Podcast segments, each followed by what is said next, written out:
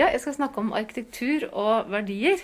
Og ta for meg en god del bygninger som er oppført fra tida etter gjenreisningsperioden og fram til 2016. I det siste så har det vært snakka veldig mye om signalbygninger, eller signalbygg, som man skal bygge på hver minste lille plass både i Nord-Norge og i resten av landet. Begrepet monumental arkitektur har også vært et sentralt begrep når det gjelder å snakke om arkitektur og verdier. Og når du sier verdier, verdier kan jo være mye. Men da regner jeg med at du mener våre fellesverdier som befolkning? Eller ikke våre individuelle verdier? Ja, det får vi se litt på. Det er eh, hvem er vi, og hva er våre verdier? Det er jo også et spørsmål som vi selvfølgelig ikke kommer til bunns i. Men eh, det tror jeg at det skal berøre. Og vi kan også snakke om økonomiske verdier når vi snakker om arkitektur. selvfølgelig. Hvor mye koster det å bygge ting? Hva prioriterer stat, kommune å bygge? Hvor mye penger legger vi i det? Er det individuelle prosjekter fra rike næringslivsfolk?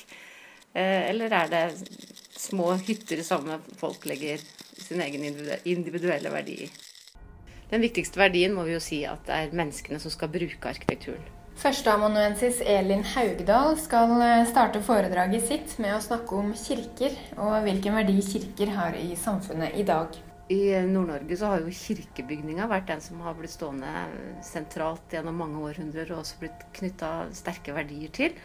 Eh, og som også har blitt fått stor oppmerksomhet for arkitekter og Eh, også i lokalsamfunnet. Vi skal ta utgangspunkt i den såkalte Nordlyskatedralen, i hvert fall. Vi har jo en egen katedral i Tromsø også, Ishavskatedralen. Og så skal jeg også ta for meg mindre bygninger som eh, ikke har fått så kanskje stor allmenn oppmerksomhet, men som faktisk har blitt tildelt en del priser.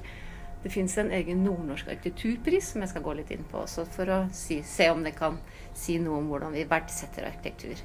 Haugdal sier at eh, hvis vi ser tilbake på historien, er det klart at bygninger kan leses som symptomer på et samfunn og på de verdiene samfunnet har i en viss periode. Alt fra egypternes pyramider til grekernes templer, gotikkens store katedraler i middelalderen.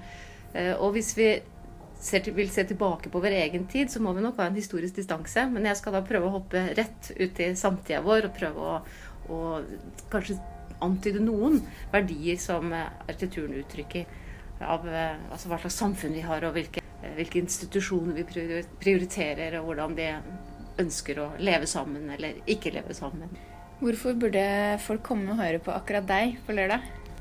Det er Hvis de er litt nysgjerrig på arkitektur, så tror jeg at jeg kanskje vil gi noen bilder og noen, stille noen spørsmål som kan være, være noe å ta fatt i videre for å diskutere hvordan vi skal bygge, hvordan vi skal bo og leve sammen.